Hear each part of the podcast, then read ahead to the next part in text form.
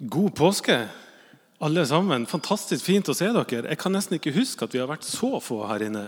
Men jeg blir så imponert over at alle dere har tatt turen altså inn i nesten i mørket, i hvert fall i forhold til ute, i godværet. Og tatt turen her i slutten av påskeferien. Eh, det er ikke hver dag dette skjer, men jeg tenkte rett og slett at jeg skal, jeg skal ikke fortelle et dikt, for det driver man jo ikke med. Men man skal deklamere et dikt. Og I dag så tenkte jeg jeg skulle starte med å deklamere et dikt. For det kom altså over et lite dikt her i påska som traff ordentlig i magen. Og jeg tenkte at ja, dette er fint. Og det er også veldig kort. Det liker jo jeg at det er. Når det er dikt, i hvert fall. Og så er det sånn at det er fire små ord, dette diktet. Og det oppsummerer hele innholdet i hele påska. Nei, det er ikke Trygve Skau. Det finnes flere diktere enn han. Dette er en gammel mann. Han er til og med eldre enn meg. Han heter Helge Torvund. Og han skriver på nynorsk, som jo er vakrere enn nordnorsk. Men jeg er nødt til å si det på nordnorsk. Og diktet, det er sånn. Lyset du trenger, finnes. Lyset du trenger, finnes. Og stort mer enn det er det vel ikke å si. Jeg syns det er helt utrolig fine ord som jeg tenker at det har jeg lyst til å høre hver dag. Og spesielt i dagene at livet er vanskelig. Men på andre påskedag så tenker jeg at de fire ordene der de får sånn ufattelig dybde. For Jesus han er jo lyset vi trenger.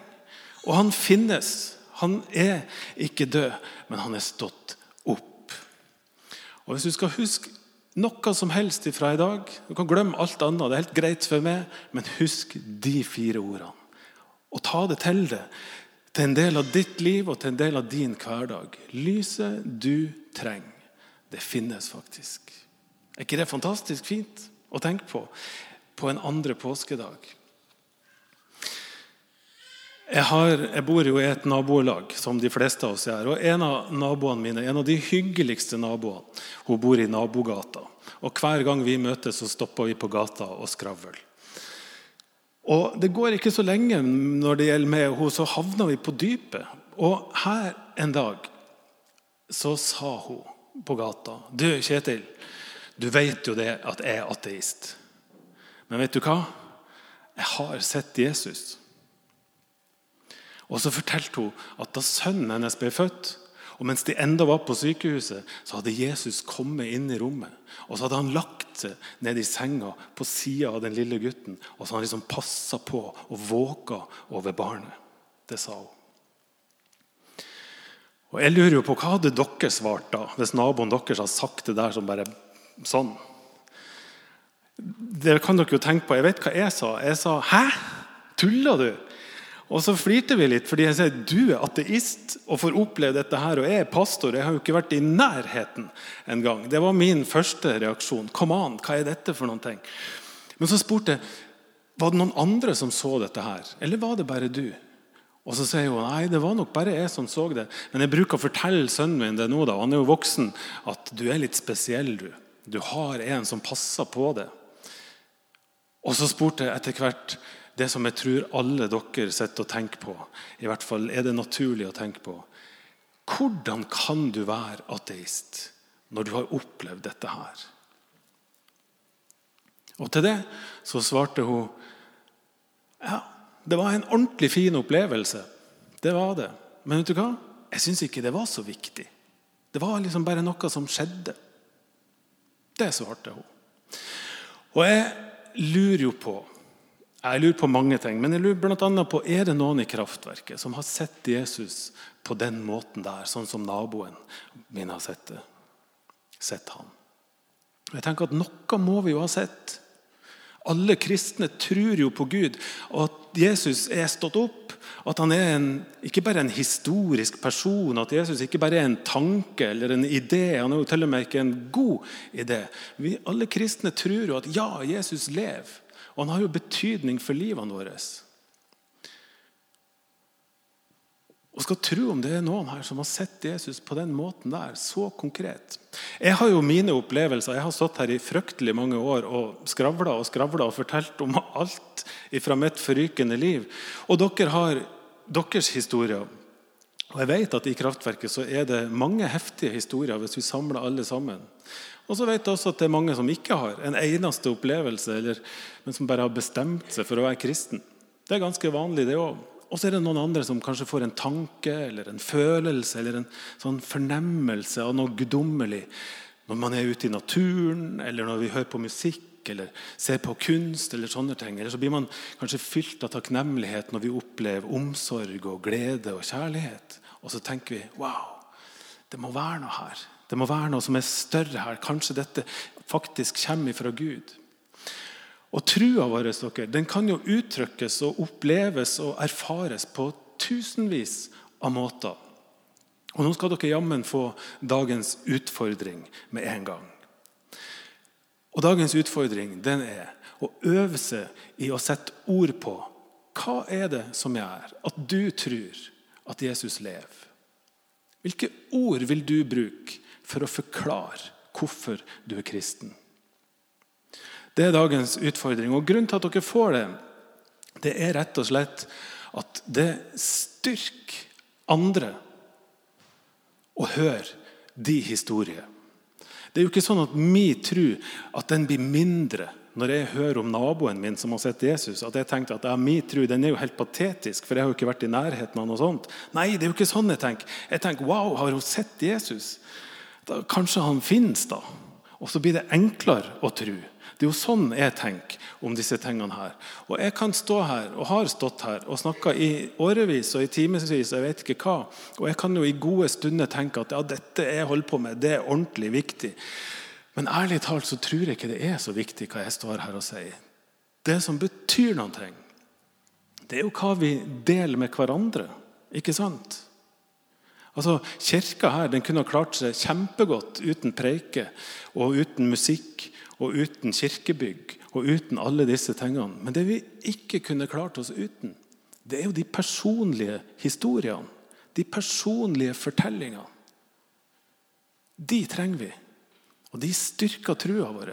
Og de personlige fortellingene der, det er jo de som gir liv til, det, til kirka vår. Det som naboen min opplevde, det er faktisk ikke så spesielt. Eller jo, det er spesielt, men det er ikke helt unikt. Det er vel egentlig det jeg prøver å si.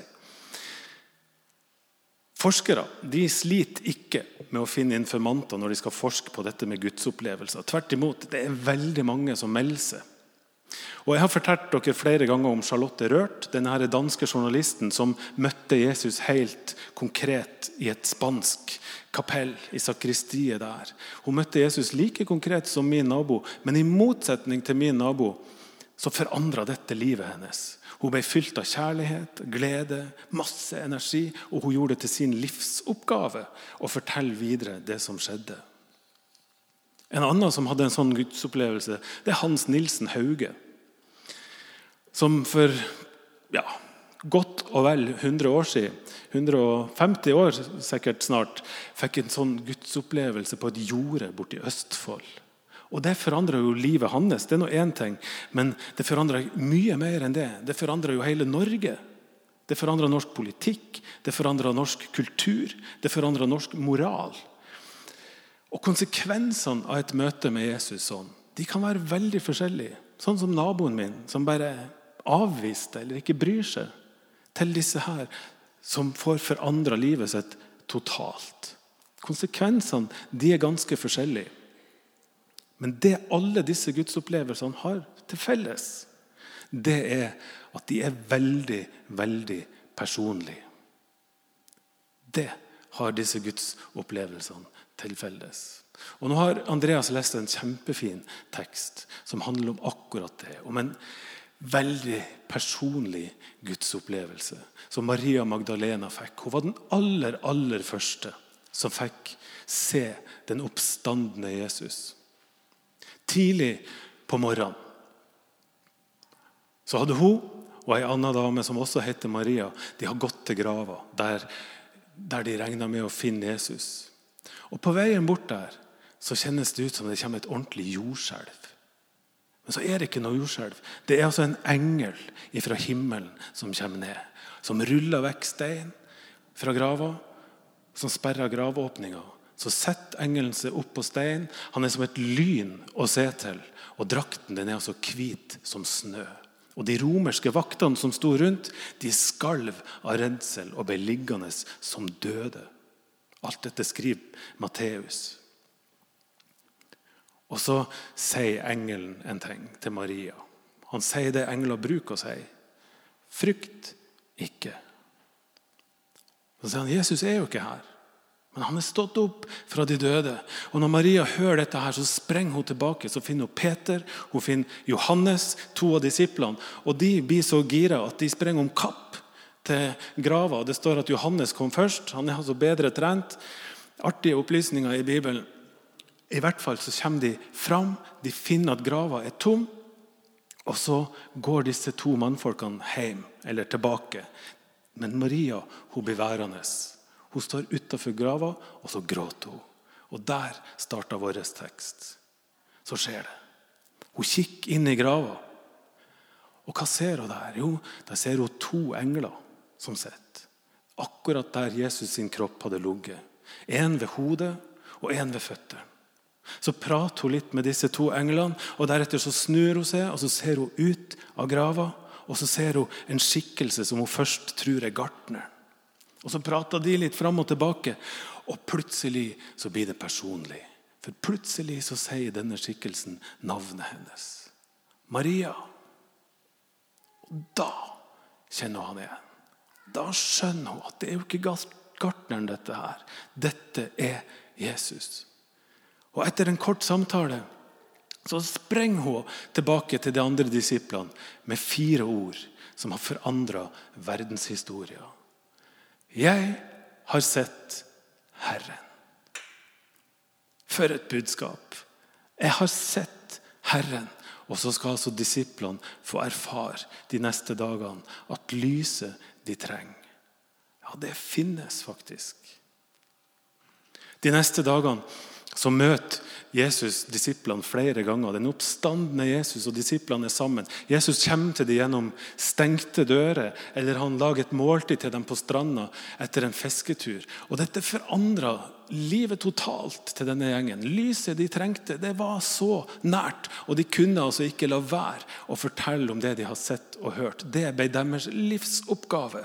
Og Paulus, som kom til litt senere, men som på denne tida her torturerte, fengsla og henretta kristne. Ja, til og med han møtte altså den oppstandende Jesus. Og Så skriver han senere at Jesus ble sett av 500 brødre på én gang. Den oppstandende Kristus er sett av 500 brødre. Kvinner og barn som sannsynligvis var til stede, er ikke iregna. Hvis du har behov for å teste om jeg snakker sant, så skriver Paulus at de fleste av dem lever fortsatt. Er ikke det helt utrolig? Eller det er jo utrolig, men er ikke det mer fantastisk enn det er utrolig? Historien om Jesus er blitt granska fra ende til annen av skeptikere for å bevise helst at Jesus ikke har levd, men i hvert fall at Jesus aldri har dødd og stått opp fra de døde. Men dette kommer ingen unna. Folk har altså sett han. Mange har sett han og har fått et dypt personlig møte med han. Og jammen er det ikke sånn at folk stadig vekk ser han. Den oppstandende Kristus. Det er troverdige nyheter. Og man kan avvise det sånn som min nabo er. Ikke bry seg så veldig. Men samtidig er det en enorm kraft i alle disse fortellingene som ikke bare forandrer liv, men som kan forandres hele samfunn. Og jeg tror at de kan forandre hele verden. Og Derfor er det dere får denne utfordringa av meg i dag.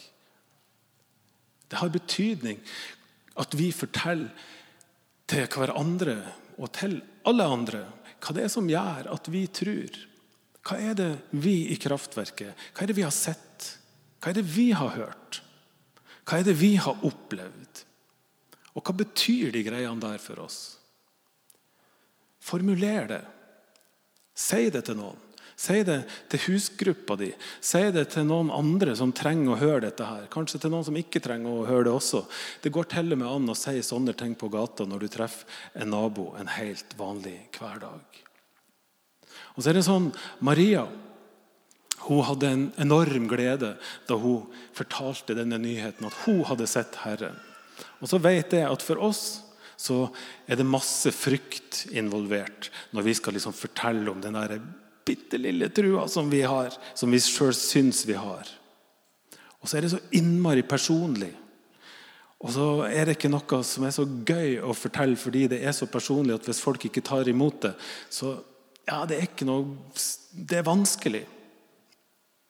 Men jeg tror dere, at det aller, aller meste som sies i kjærlighet, det blir også tatt imot med kjærlighet. Når vi forteller om vår tro, så er jo ikke det for å vinne en diskusjon eller noen ting. Men den som er kristen, må jo på en eller annen måte ha sett at lyset som vi alle trenger, det finnes. Og det er jo det vi har lyst til å gi videre. dere. At andre skal få det samme håpet som alle vi har.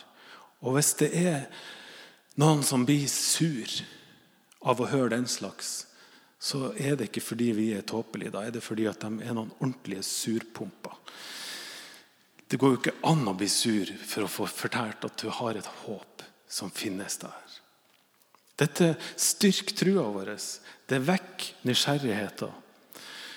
Og jeg tror det er ordentlig bra at vi øver oss i å si hva er det som er min historie.